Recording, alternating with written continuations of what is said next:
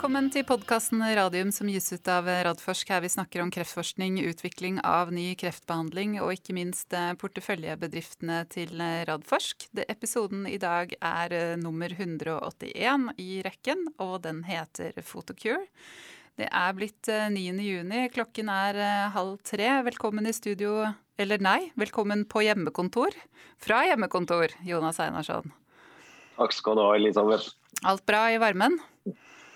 Alt bra i varmen. Det er jo veldig mye som foregår om, om dagen i, i, mange av selskapene. Så det er travle, men veldig morsomme tid. Ja, så bra. Juni er eh, en travel tid. Det er desember også, det kommer jeg alltid på. Hver juni og hver desember og blir like overraska hver gang. Sånn skal det være. Um, vi har vel ikke noe særlig nytt å, å melde fra porteføljeselskapene våre, så jeg tenker skal vi bare gyve rett løs på Photocure?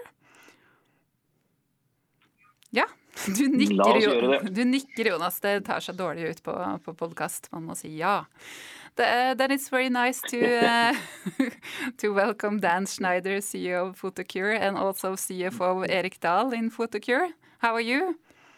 I'm doing well. Thank you for inviting us. Thank you. It's good to have you with us again. Although I miss you, uh, miss having you here in the studio, but uh, hopefully during the fall, maybe. I hope so. I hope so too. I'm missing it. I'm getting cabin fever. I think we all are getting cabin fever. Uh, yeah. Um, uh, there's a lot of positive and exciting things going on with uh, Photocure now, and uh, this is reflected uh, in the results of the first quarter and also additional news in this uh, second quarter. Um, then I saw the presentation of the first quarter, and you referred to this quarter as fantastic despite the COVID-19 pandemic. This uh, it's great uh, words? Uh, can you please elaborate? Ah, sure, I'd happy to. You know, I think you got to put it all in the context that we are still facing a wave three in Europe and a wave two of COVID, and yet still pulled off a 50% revenue growth. Uh, even even if you take out the the milestones, uh, this is our second quarter in a row of positive EBIT. Now, I will caution you: we managed our our expenses well.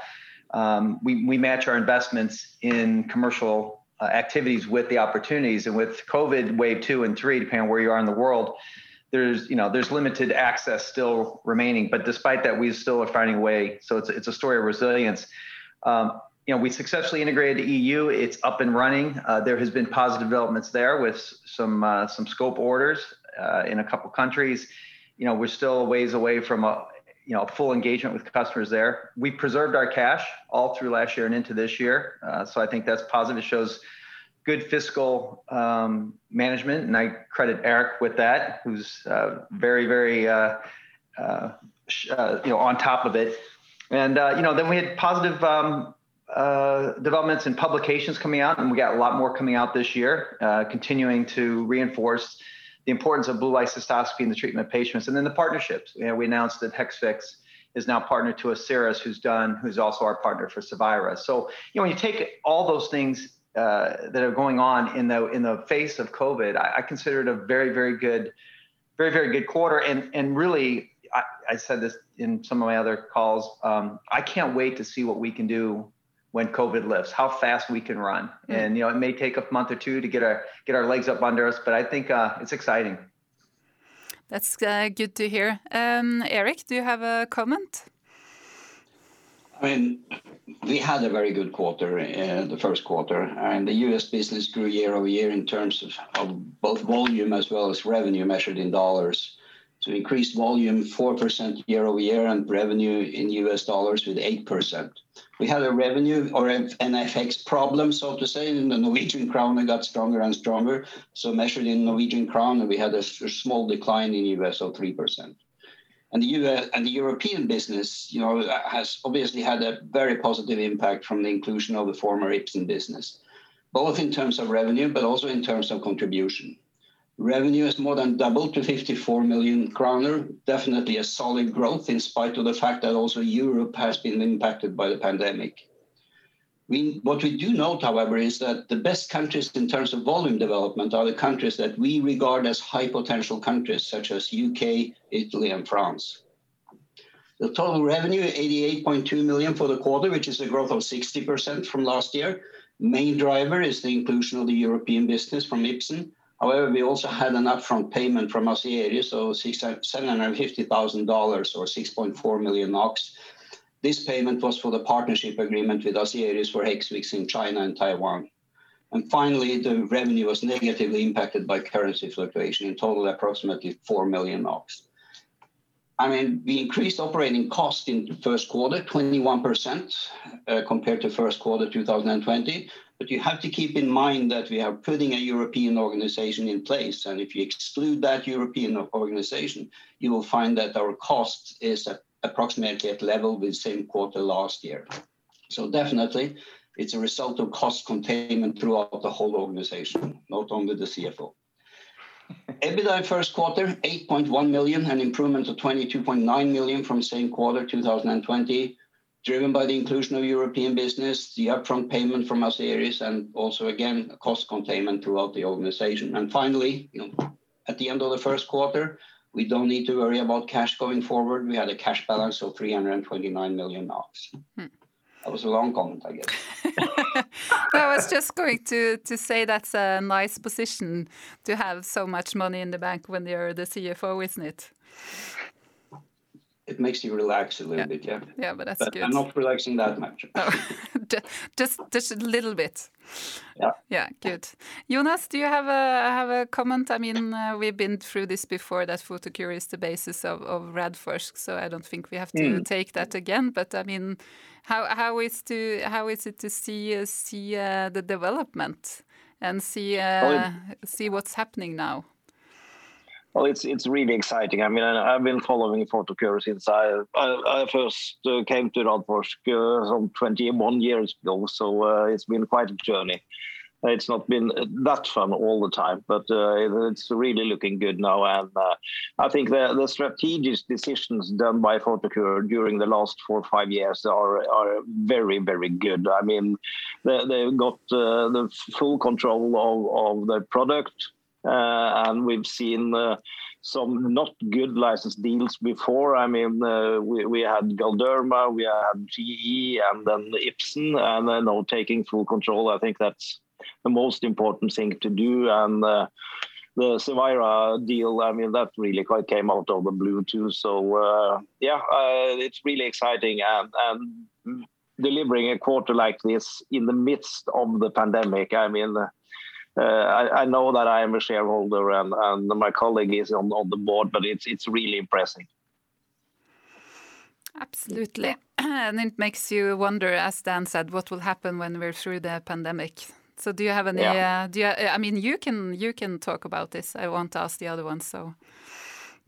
No, I I, really I really believe that uh, Photocure has done the breakthrough. I mean, uh, when Dan started talking some years ago about uh, making this standard of care in the diagnosis of bladder cancer, I think some people thought that was maybe could take much much longer, but it's really becoming the standard of care. And I've also noticed that the patient advocacy Uh, organizations are are really putting a lot of pressure on uh, clinicians all over the world to to use this because it's, I mean, it's been so good documented and as Dan mentions, there are coming new studies all the time, and there's no question that this this should be the standard of care. So, uh, yeah, I really think the sky is the limit for this company. Hmm. That's good. Good uh, good credentials to have with you, Dan and Erik. Um, I think we should uh, walk through the highlights for uh, 2020 as far in a bit more details. Dan, if we may start with the revenue growth.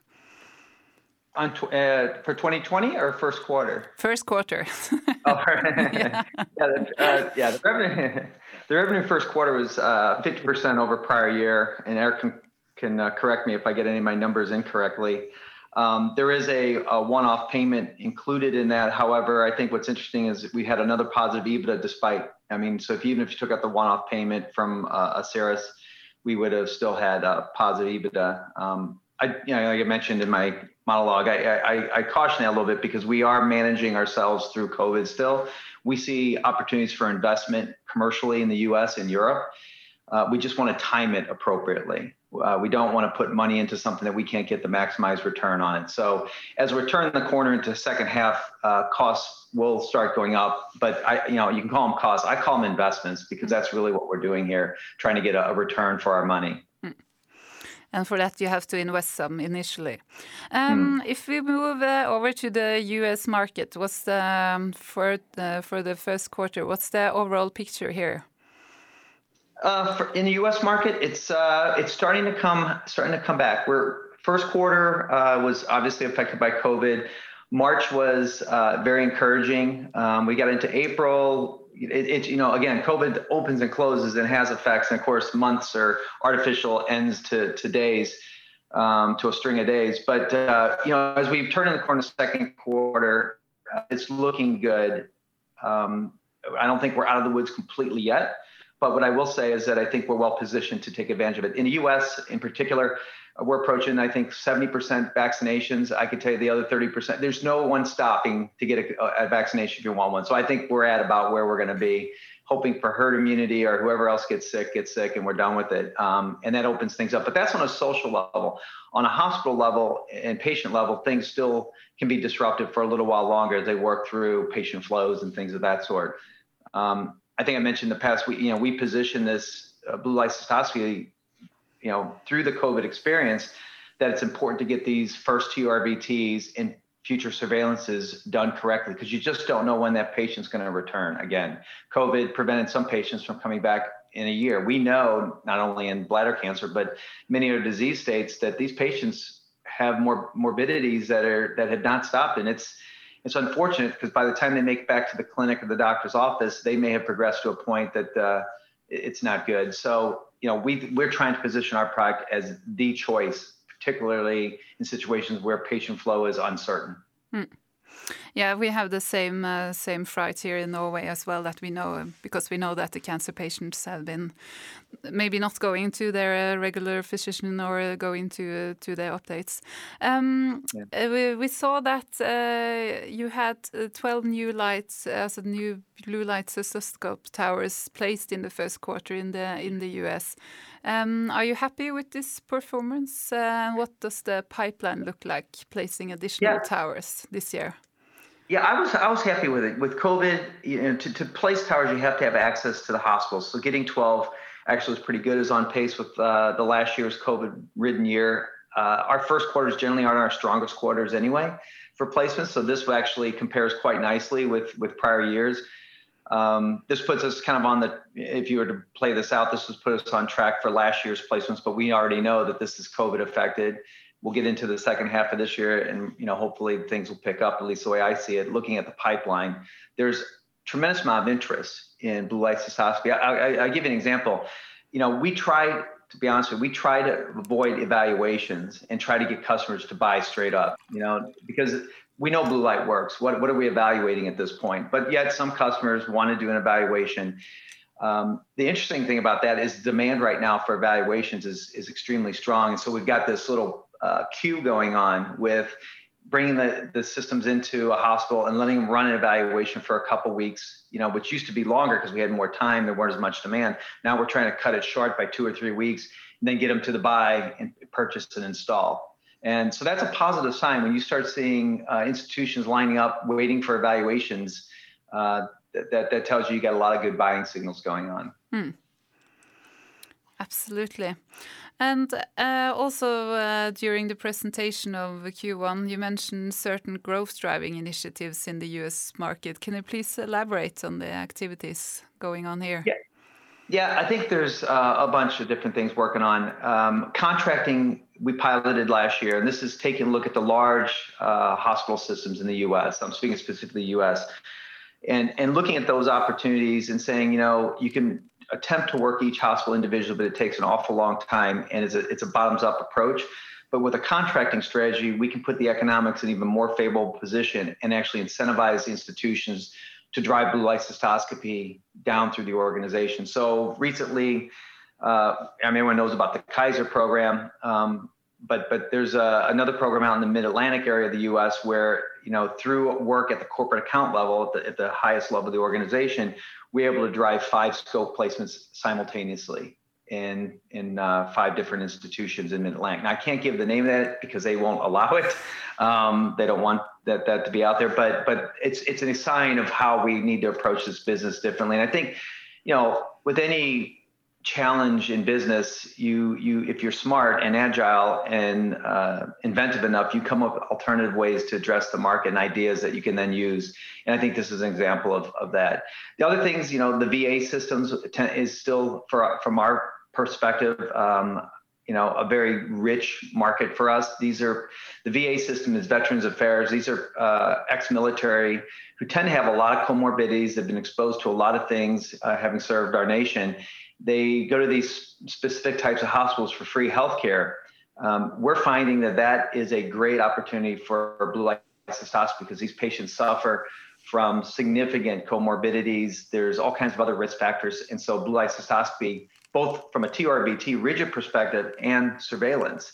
So we're finding ourselves able to, to launch in both both uh, systems simultaneously in those in those institutions. Now, you know, the constraining factor is their budget goes from um, September to September or September to, you know. So we're, you know, this is kind of the rich period now, these the second quarter and third quarter of getting more VAs up, and then we'll go into third, fourth quarter, starting up a new budget season. Hmm. Sounds very good. Uh, Jonas, do you have a comment on the US market? Yeah, I, am very interested in, in, hearing about this uh, about uh, these veteran uh, hospitals because uh, they, they, they, sort of have to use uh, the best kind of treatment for uh, for their patients. So when you have all these publications done and, and all the facts about this, I, I, think really that is that is an, an, important market and could re really open up. So that is really exciting. Mm. Yeah. Good. Uh, moving a bit uh, closer to home for uh, Jonas, Erik, and, and myself, the European market. what's the overall picture here, Dan?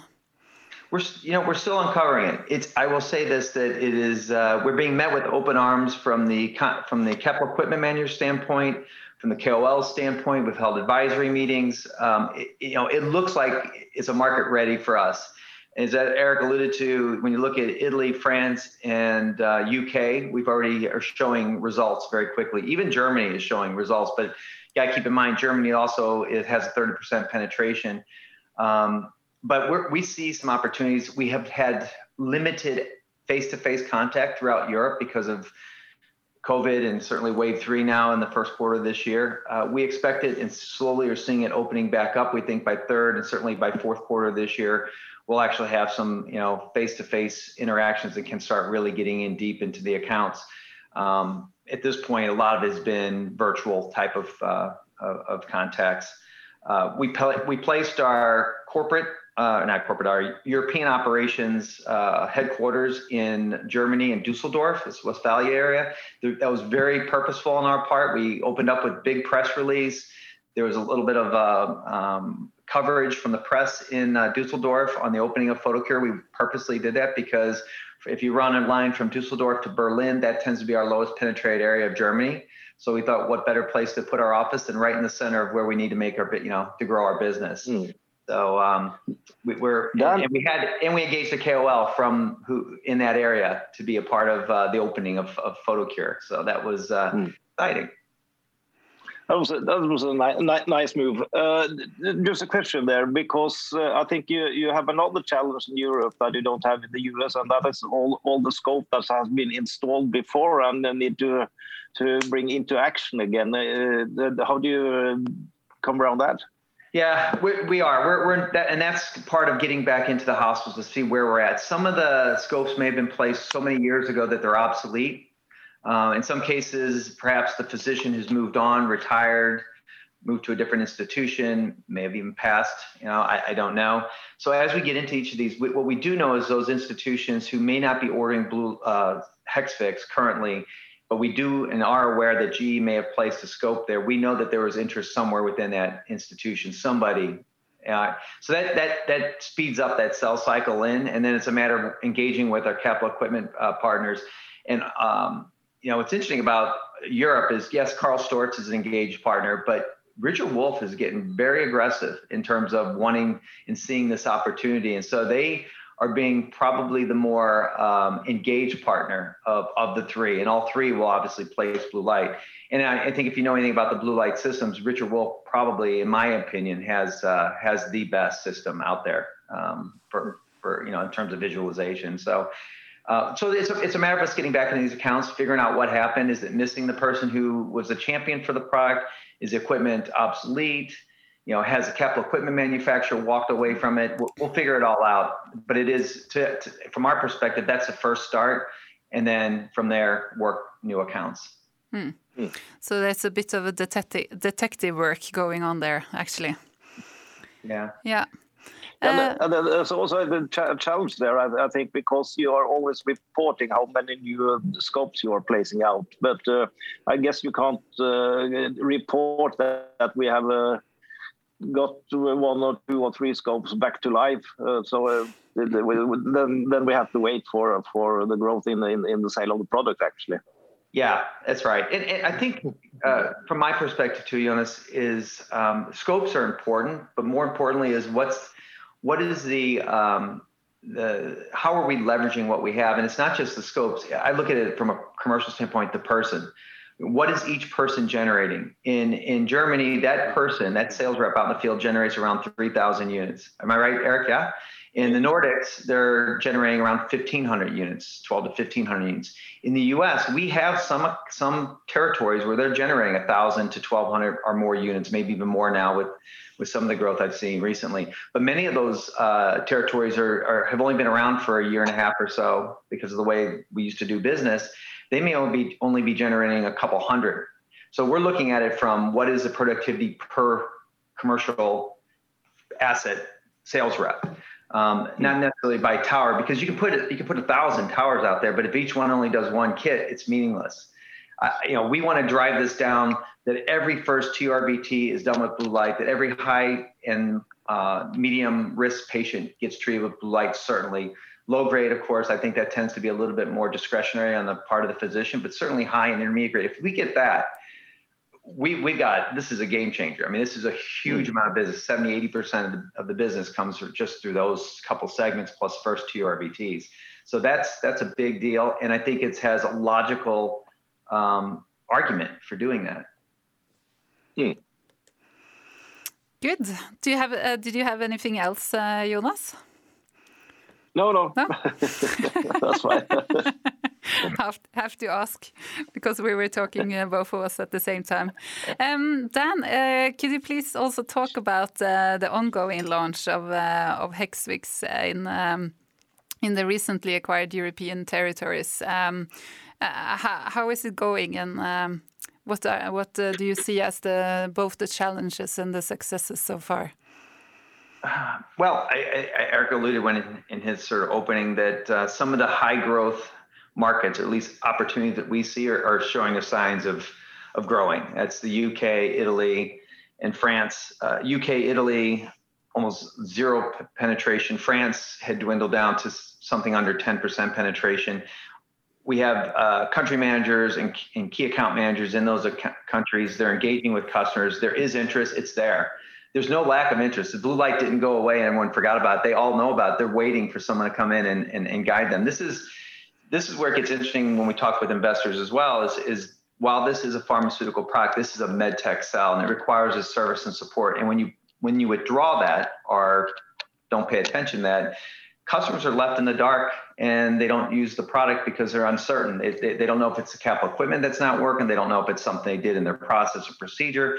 You know, all these things. So you you got to re-engage them. And what we're finding in Europe is is open arms from customers, KOLs, um, capital equipment manufacturers wanting us back in those markets. Then we're looking at markets that have never been touched, Spain, where reimbursement actually is good, and looking at entering into Spain, um, which is one of the EU big EU fives, and also looking at Poland, where I think some reimbursement work needs to be done, but there's opportunities there. Then you look at all the other you know countries, whether it's Estonia, Latvia, et cetera, where we actually do have current revenues, and assessing whether it's ripe right now for a key account manager, or do we wait? Do we leverage something else? So we're still figuring a lot of this out. Uh, the handoff from Ipsen, I will I will give credit to Ipsen on this.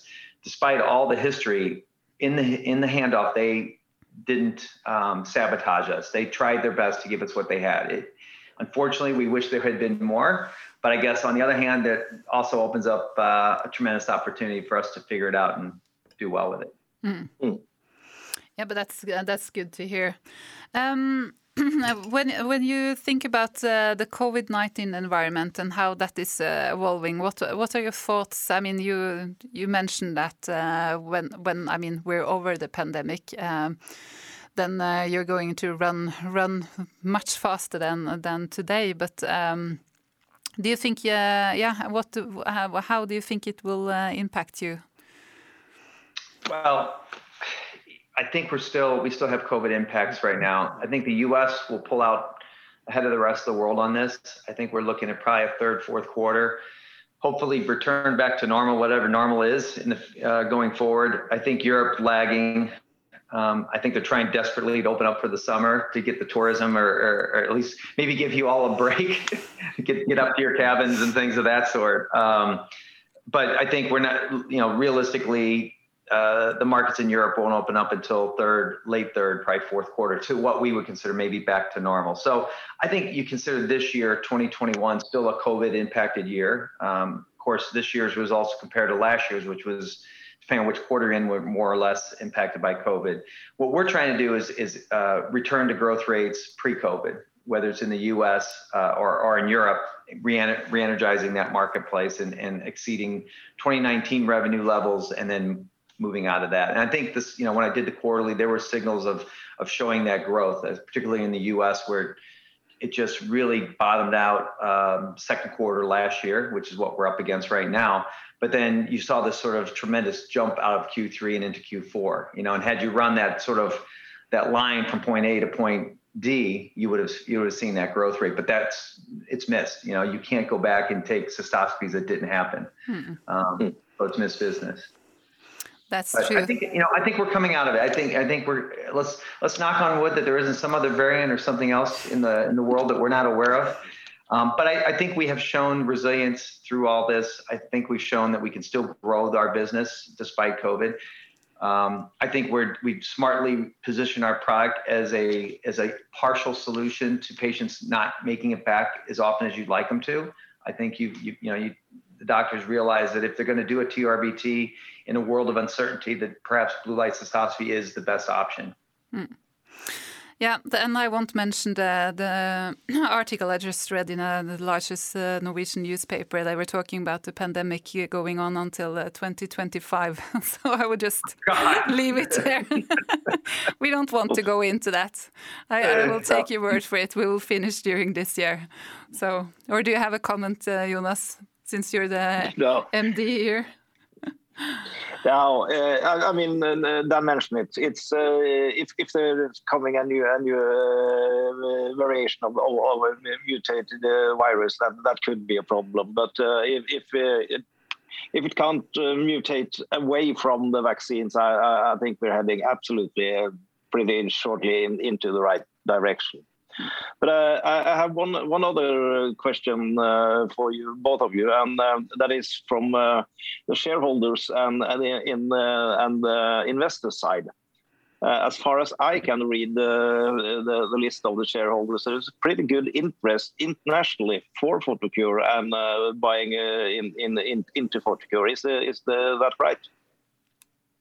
Yeah, that's uh, Erik. That, that's definitely right. I mean, what, what you have seen over the last couple of years is that the number of non-Norwegian shareholders have increased from about 10 or 5 to 10 percent to more than 50 percent as of today.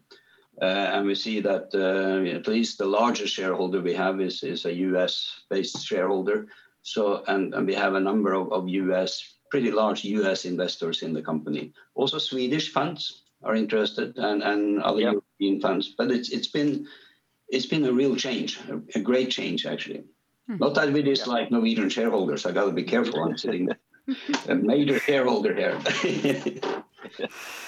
Yeah, no, no, I, I, am really impressed about that, and, and also uh, it's very interesting about uh, the Swedish uh, investor market because uh, we have actually seen it in Photocure and in another company, Ultimovacs, that there has really been a, a large uh, rise in the shareholders from Sweden, and earlier on we really have we have really struggled to get Swedish investors into our company. So there is something going on, absolutely. Do, do you have uh, any idea what this is due to with the Swedish uh, investors? I mean, there's always this cultural and uh, challenge uh, or battle between Norway and Sweden. So, but it shouldn't be. I mean, business is business, money is money. So. Now, we, we have really struggled to get interest from Swedish investors in the Norwegian biotech companies. I, I think they have thought that there the Norwegian companies are so uh, immature. They are uh, in early phases. Uh, they are small. We don't have any big pharma locomotives in, in Norway, so it, it's sort of been a cultural thing. Uh, I, re I really think uh, what we did with Ultimovacs is uh, actually pretty funny because we we bought a small Swedish company some years ago and, and named that Ultimovacs AB uh, as a Swedish company, and I have a, a, a, very good key opinion leader in, in, that company, and she got a lot of press, uh, and it was actually on the front page of one of the largest. Um, newspapers in, in Sweden that uh, Ultimovacs have uh, developed a Swedish vaccine. So, uh, so that, that maybe they did some changes there, but yeah, I don't know. Don't don't give them any ideas, uh, Jonas. don't listen. Don't listen to him, uh, Dan and Erik. Don't do this. No, I'm just kidding. Um, yeah. Moving on, you had some nice uh, scientific publications also. Uh, can you say a bit about uh, this, uh, Dan? Yeah, it's just we we continue to generate a lot of interest. There are. Um, you know, I think as we look into the future, you're going to see more and more around economic benefits, lower recurrence rates, um, you know, especially in the surveillance markets, what's the economic and clinical impact of using blue light cystoscopy?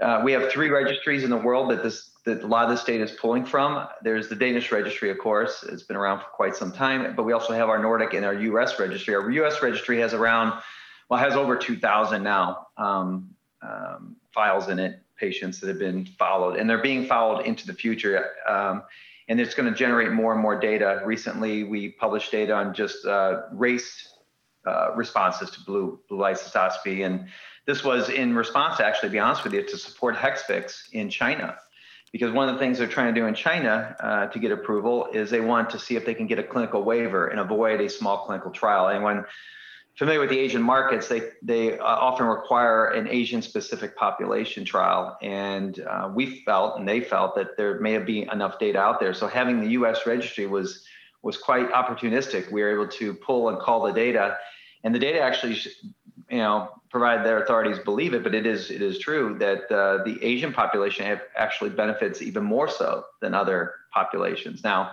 it's it's it's one little study pulled out of a, a, registry, but I think it it goes to show you how the data is not only meant for the greater population, but it's also supporting some of our strategic initiatives and partnerships around the globe. Hmm. That's very nice. And I also saw you had an article out um, between, uh, uh, yeah, anti-recurrence and, and smoking, because I think, uh, is it right that uh, if you uh, if you smoke, then you have a greater risk of recurrence, actually? Yeah. Yeah. Yeah. Mm-hmm. This is, is right. And, and, and there, you know, and there are some other, uh, there are many other folks studying it around the world. You know, what we look at when we look at um, the design of these, whether it's studies or trials or otherwise, is whether whether they're accurately put together well to, to get the results you're looking at. I mean, we're very conscious of what we're doing. Mm-hmm. We try to follow, the, you know, the guidelines and the proper procedures and the rest of it. You know, so as as things come out, um, I think it's you know, I think there's what well over 100 different publications now, and there's 21 trials. It's all predominantly blue light positive. There's always one or two that kind of question elements of it, but that's the nature of science, and we're okay with that. Yeah. It is. Um, then we have to move over to to China and uh, Asieris, uh, which has in-licensed both Cevira and uh, Hexvix. And you received a lot of questions around the, the activities in China during the Q1 presentation or after. We also had have some uh, listener questions regarding this. But uh, please, can you first just uh, give us uh, introduction and uh, or what's what's the status here? What's going on? Yep. Uh, so we have obviously two two different both products with uh, Asieris now. Asieris is focused on genitourinary genitourinary diseases. Uh, their intention is to commercialize China and partner the rest of the world. They have their own product in development. They have a first version of it, and now they're starting out a second version of it. The, the difference in the versions, to be honest with you, is, is dosing regime. Uh, that's the big difference between the two products and that's for non-muscle invasive bladder cancer. They also have licensed in uh, Hexvix this this year. They hope to get a clinical waiver uh, and then be able to enter the market uh, as early as, as next year. Um, we'll see if that happens. If not, they'll have to do a small clinical trial, and then it, it looks like 2023 for for commercialization. Um, they recently signed an agreement with Sinopharm. Uh, that agreement is around logistics. That is not commercialization. That is not sales and marketing. They Asieris, I, I had a conversation with their CEO just uh, last week.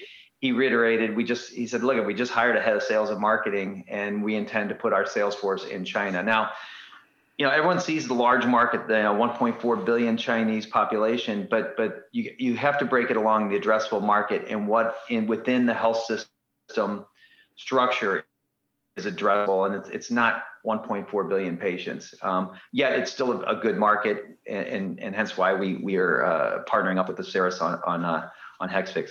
Cevira continues forward. Um, they are, rolling their patients. They've had good enrollment through the Chinese study, uh, the Chinese-based study for the Chinese approval.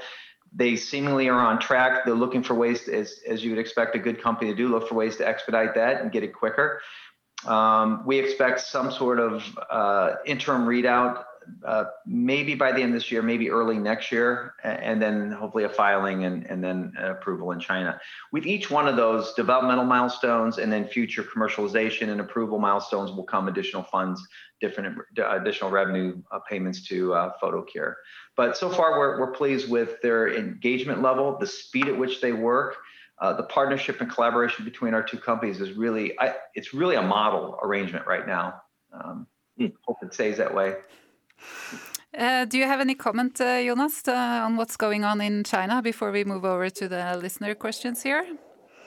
No, uh, it's just reassuring to to to uh, hear Dan saying they they are on track. We can't know anything more than that, I think, but uh, that is that is very nice. Mm. Good. So, uh, since we had so many, uh, we had the the questions we had from our listeners is only about uh, what's going on in China. So we'll just take it now before we uh, move over to other things. So the first question is uh, regarding Hexvix in China with Asieris. Since the deal involves such small milestones, is it fair to assume that the royalties are higher than they were with Ipsen? Uh, no, it's not fair to assume that. Um, I think what you have to do is look at the the the, the um, agreements in totality. The, some come with big upfronts, depending on where the product is in its in its life cycle, et cetera.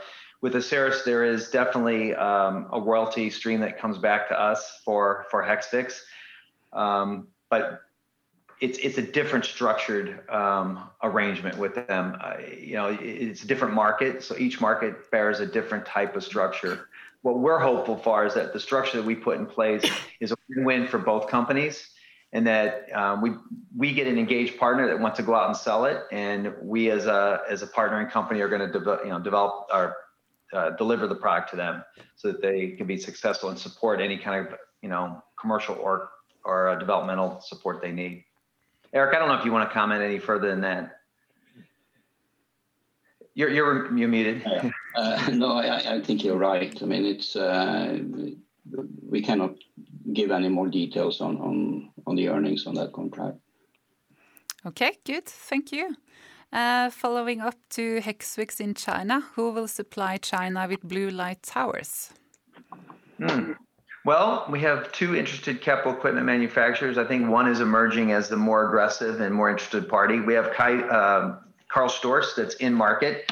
Um, and when we have Richard Wolf, who actually is the more aggressive and really wanting to penetrate the Chinese market, not just for blue light, but for everything they do.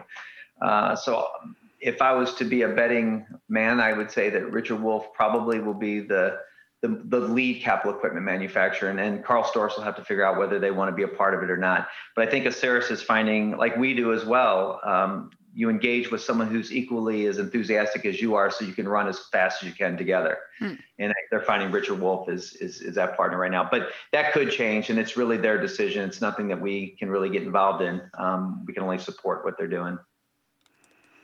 Good, great. Um, Regarding Cevira, it's been over six months since the first patient was dosed. Do you have any, any indication of how fast Asieris would be able to dose all their enrolled patients? Um, I don't. I don't have the specifics as to when. Um, well, I do know where they are, and they're on track. I can say that much. Um, I do know that they want to speed it up to go faster. Um, it's in everyone's benefit to go faster because that means they can get to market quicker and start seeing the revenue streams. The next milestone uh, that we'll, we would report out on, they would report on, is the obtaining of positive data, or 34 months from the time of the agreement. So, you know, sometime uh, uh, later this uh, into next year. At that point, it'll trigger another small developmental uh, milestone for us, and then they'll um, they will uh, then submit and hopefully get Chinese approval. We think still that they will have Chinese approval maybe the second half of 2023. That's that's their goal. Um, get through the use this year for the clinical trial, uh, get the inner data, and then submit, and then wait for the approval. So we'll see. Hmm. Good. Um, then we have a final question, uh, which uh, relates to um, uh, the deal between Asieris and Sinopharm, which uh, you mentioned that they had entered this strategic partnership to. And the first project under the partnership will be the commercialization of Hexvix. And the question is, what is your view of this new partnership with Sinopharm and the fact that Hexvix is the first commercialization project? Ah, well, I think yeah, we anticipate Hexvix would be there first um, because of just where it is and what they need to do. If they get the waiver, it's great. Sinopharm, I think, is two things. One is it's a logistics partner, so it's how they're going to distribute the product. It's not how they're selling the product. They're still intending to put a direct sales force in the top, say, 20 metropolitan areas in, in China, and you know, our top institutions where they believe blue light cystoscopy will make the biggest difference and patients will come in. Um, I think with Sinopharm, it's a, it's obviously a, uh, to me, it, it validates um, the significance of Asieris. I mean, they're choosing to go into a partnership with Asieris as much as Asieris is choosing to go into a partnership with them. And I think that's validating to Asieris that they are a quality organization because I don't think Sinopharm would do a deal with a company that they felt was subpar. So I think that's a positive development that they have this um, this agreement in place. It you know there's no guesswork. Sinopharm knows exactly what they're doing, and uh, yeah, I think it's a big it'd be a benefit to uh, to Asieris. Thank you. That was the questions from the listeners. Um, moving over to, to my questions, uh, we move from China to, to Chile. And you mentioned that uh, the regulatory filing for Hexvix in Chile by your partner Genotec happened in late April on in the Q1 presentation. Um, when do you expect a decision on approval and when do you believe the product will become available to patients in Chile? Yeah, I talked with their CEO as well. So he uh, he again, like Asieris, worked extremely quickly uh, with our folks to get a package put together and submitted into the uh, Chilean authorities. Uh, they are they packaged it in a way to have it under consideration for an expedited review. And this is a new pathway in Chile, by the way. So we'll see how it goes. What that means, if they were to follow the letter of the law, the regulation, is that they could potentially have a an answer by the end of this year and be able to launch early next year, you know, first quarter next year. Um, I, I, caution with two things. One is COVID, and Chile's got is under a little bit of a siege from COVID right now, and trying to get folks vaccinated. The second is this is a Latin culture, uh, so it tends to kind of have its own speed at times. And this is coming directly from their CEO, who is uh, Chilean. So I I'm not trying to be um, snide or anything like that. I think it's it just is what it is. So he he's cautioned he's cautioned me and said, look, it, this is what it should be. However, don't be surprised if it you know bleeds an extra 90 days, and that's okay. Uh, you know, it's this is this market's about the size of the of Norway.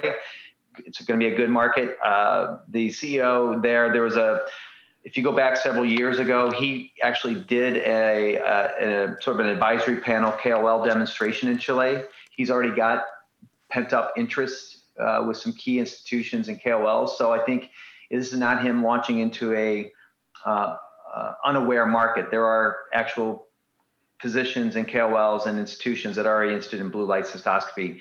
He's engaged with the capital equipment manufacturers. They're prepared to, to do the installation. So I think once he gets his approval, he should have a, a real quick kind of entry point. Now he'll have to grow the business. Um, but I think it's it's exciting. What's even more exciting for us is he also has inroads to many of the other South American countries, mm. and so we'll assess other markets. Not all markets are appropriate for lots of different reasons, and you got to be careful with what you're doing. But um, but I think with him and and Genotec, as you have a again another example of a engaged, willing uh, partner who understands that this is a med tech sell and that you have to put effort behind it in service and support. So mm. we're we're we're optimistic. So this may be a gateway into a large continent. Uh, it, it might be. Yeah. yeah. Mm, good. Um, yeah. If you, um, yeah, Dan, if you had to choose one initiative or one event this year, um, what what would that be? Which had, I mean, surprised you or pleased you the most? Uh, it's impossible to choose one. Um, you can't choose know, between your children. I, you know, if, if, yeah, well, I mean, you know, COVID lifts. There's nothing more important than get that top running commercial organization, both in Europe and U.S., just going. I mean, just doing what they do. Um, but initiative-wise, you know, in Europe we got the KOLs and the capital equipment engagements. In the U.S., we got contracting strategies going on, and then expansions geographically around the world with willing, able, and engaged partners. Um, all are in our favor. But if there's one thing that I think will drive, uh, you know, this the rest of this year forward is just the commercial entity being able to go after the business without the the shadows of COVID. Hmm.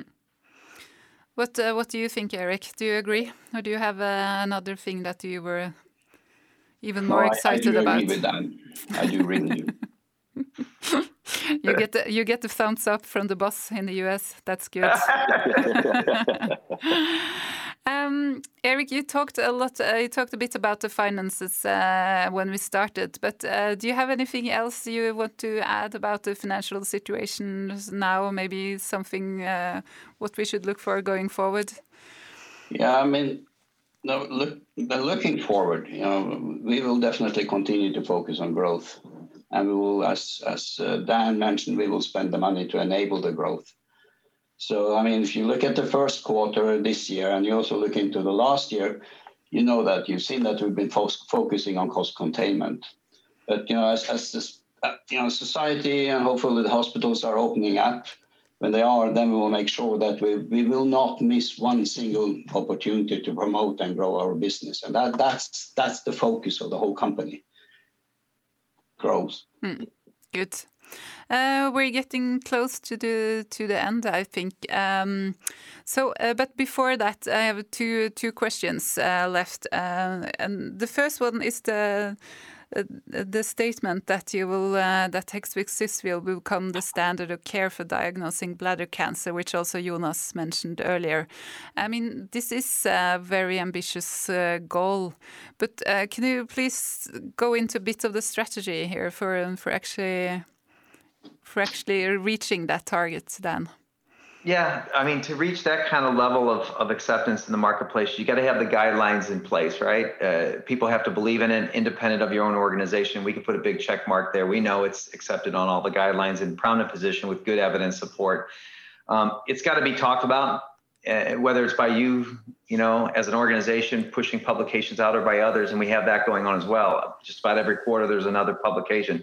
Um, today I was alerted to another one, a meta-analysis showing blue light cystoscopy again superior to, uh, up in five years. I mean, it just continues on and on with that. You have to have access and reimbursement, which is testament to the value of the economic and the clinical value of the product. You know, if if access and reimbursement supports it, Um, that makes our lives a lot easier. And in most markets, we have access and reimbursement. Uh, I will say this: we don't let up with what we have. We're always um, we, we, want more, we want better, and so we continue to work towards that. Um, you know, we're installing in more uh, locations. There's patient demand. I think Jonas, you mentioned the patient advocacy groups who've gotten behind blue light cystoscopy. Uh, if you're a patient and you've been diagnosed with bladder cancer and you reach out to your advocacy group, they're gonna they're gonna bring up blue light cystoscopy and the importance and, and how it can make a difference in their at least their first TURBT and onwards. Um, so again, it's it's it's it's it's there. We know patients are seeking it out. Um, it's a matter of us getting it and getting it out into the marketplace um, through our own commercial efforts. But I, I, think all the right things are lined up for this, uh, and I don't see a competitor or anything competition-wise coming in that can do better. It's it's superior in any clinical trial, statistically or otherwise, to white light or you know, and no one else can claim that. We we have that claim because we we've done the trials. NBI cannot claim that. That's a that's a better version of white light, but it's not better than blue light. So outside of that, I really struggle with who's gonna who's gonna knock us off this this this mission and vision of becoming a standard of care. It's good to hear. Uh, Jonas, do you have a con uh, comment? Are you as confident? Yeah, actually, I am because I it, it's it's as easy as uh, this is the best way to follow up and treat the bladder cancer patients, and uh, there's no question about it. So it's just a, a, question of how you get it out there and getting the organization to work and and uh, pushing it out. So so I, I, actually fully agree with that. I can't can't see uh, how this can go wrong. Mm -hmm that's a nice uh, place to, to, be in. Um, to just to end on uh, what's uh, ahead, what's uh, what milestones uh, should we be on the look for for the future now? Yep. So I think the, the milestones will be, you know, regaining prior sales momentum. Once COVID is 19 is in significant decline, I think we'll start seeing that a little bit peeking its head out here in Q2. Uh, I think as we move through Q3 and Q4 for the U.S. I think Europe will be lagging by a couple quarters, so it may, you know, maybe Q4 before we see something that looks like it's returning to normal. Um, I think you'll see continued geographic expansion and changes. Uh, I have existing partners out in the market today. Not all of them are my favorites, so stay tuned on that. And then there's other markets where we are looking at opportunities, and we have uh, engaged uh, potential partners. Uh, but again, we're, we're being very thoughtful. I, I, you know, we don't want to spend the money, time, and effort to get into a called a bad marriage. We, we really want to have the right partner like a Asieris or Genotec, who really who really feel strongly about the product and want to make it make it uh, successful. Um, you'll see further execution of group purchasing organizations, uh, contracts with GPOs, hospital systems, to sort of uh, ignite our, our growth in the U.S. VA health systems, et cetera. Uh, you'll see additional data coming out. Uh, we'll have data at AUA. We'll have additional data coming out throughout the year that, again, it's both clinical and economic benefits of blue light cystoscopy. Uh, you'll see it in conferences and journals. We'll report on the, the progress of Cevira. Uh, hopefully, by the end of this year, there'll be maybe some more information coming out. We have um, uh, ex, ex, you know, we hope for approvals for Hexvix in Chile and in China. We'll see if those happen. There could be some developments there. We have some other sort of angles going on. Uh, and then, you know, evaluating strategic product or business opportunities. We have a tremendously strong, good commercial footprint in the uro-oncology space. That uro-oncologist sits in a space where they, you know, they use blue light cystoscopy. The next thing they do is they, you know, they pick up some sort of instrument. The next thing they do is some therapeutic watch and they keep they want to keep that patient in in in their control. And we have a great commercial footprint and understanding of this non-muscle invasive bladder cancer space and uro-oncology in general that makes us a great partner. I think for for companies looking to place their assets in the hands of a company that um, has shown, at least over the last several couple two years, that we can deliver high performance on what we do. So I think uh, stay tuned there. I, nothing imminent per se, but I think you you know that we are on this uh, mission becoming a global player in bladder cancer. Hmm. Good. Um, Erik, uh, maybe you can. Uh, do you have have you set the date for the Q2 presentation yet? Yeah, we will have it in the beginning of August top of my head, it's the 11th of August, but I need to check that. Okay, good. uh, we will uh, we will invite you back to the podcast uh, sometime after that, then to have uh, to to see what's been going on in this quarter as well. It was so nice to talk to you again, both uh, Dan and Erik, and thanks so much for a very thorough and very positive um, presentation. And um, we, I mean, we are cheering on you, aren't we, Jonas? We are maybe the biggest fans. yeah. Good. Thank you so much. Bye. Thank you. Have a wonderful Bye-bye. summer. Bye bye. You too. Bye.